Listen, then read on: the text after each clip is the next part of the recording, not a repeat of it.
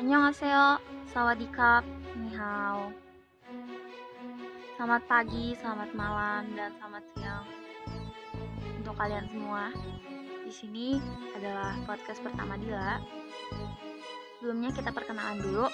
Kenalin, nama aku Dila Fatia Misa dari SMA Negeri 1 Cianjur. Ya, Cianjur, Jawa Barat ya. Nah, ini adalah tugas Bahasa Indonesia dari Ibu Guru Ayu tentang teks prosedur.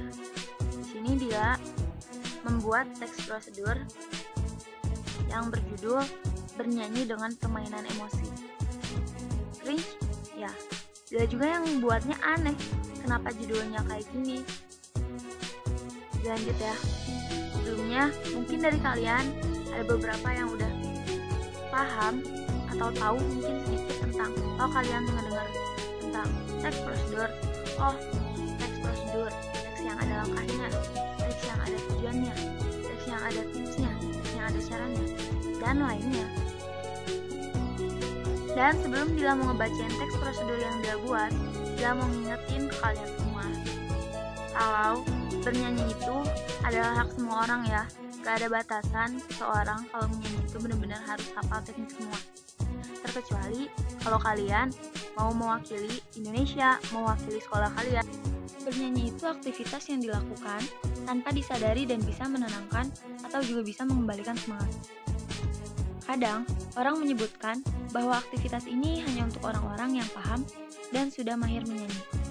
Tapi semua perkataan orang itu salah besar, karena menyanyi adalah hak setiap orang, tidak peduli bagus atau tidak.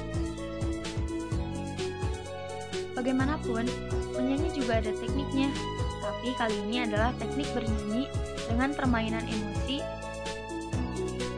Ini bertujuan untuk setiap orang yang mengalami masalah atau kebahagiaan dan tanpa disadari ingin mengungkapkan melalui nyanyiannya sendiri.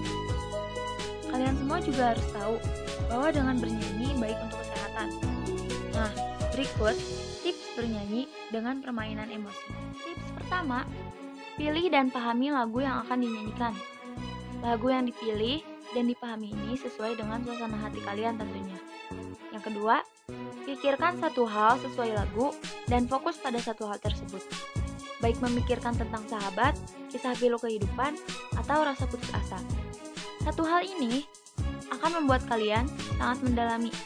Nah, di sini kalian udah mulai permainan emosi yang aktif.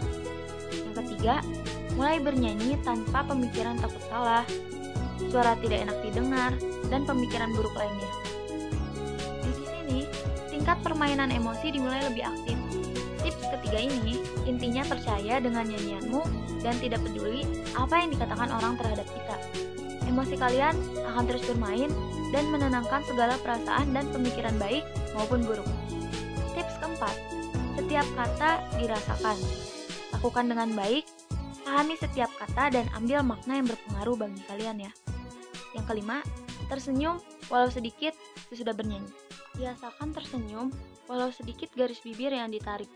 Karena setelah bernyanyi dengan permainan emosi, kalian semua akan merasa tenang dan bangkit dari suatu masalah atau tambahnya semangat dari suatu hal yang menyenangkan. Bernyanyi ini hak setiap orang dan tidak ada yang berhak membatasi kalian untuk bernyanyi. Tips ini kalian bisa gunakan di mana pun untuk menambah ketenangan, rasa percaya diri, dan meningkatkan kesenangan, kesehatan bagi diri kalian. Sekali lagi dalam mengingetin ke kalian semua, kalau bernyanyi itu adalah hak setiap orang. Nah, kita udah di akhir nih, jadi itu penyampaian teks prosedur dia. Nah, untuk kalian semua dan teman-teman sekalian, terima kasih banyak yang udah mendengarkan. Dan intinya, seperti kata ibu guru Ayu, jangan lupa untuk terus bahagia. Emang penting banget. Setiap hari itu kalian harus bahagia. Dan harus ada satu ketenangan dalam tujuh hari. Jadi intinya juga jangan lupa bahagia dan terus tenang. Terima kasih. Annyeonghaseyo. Kamsahamnida.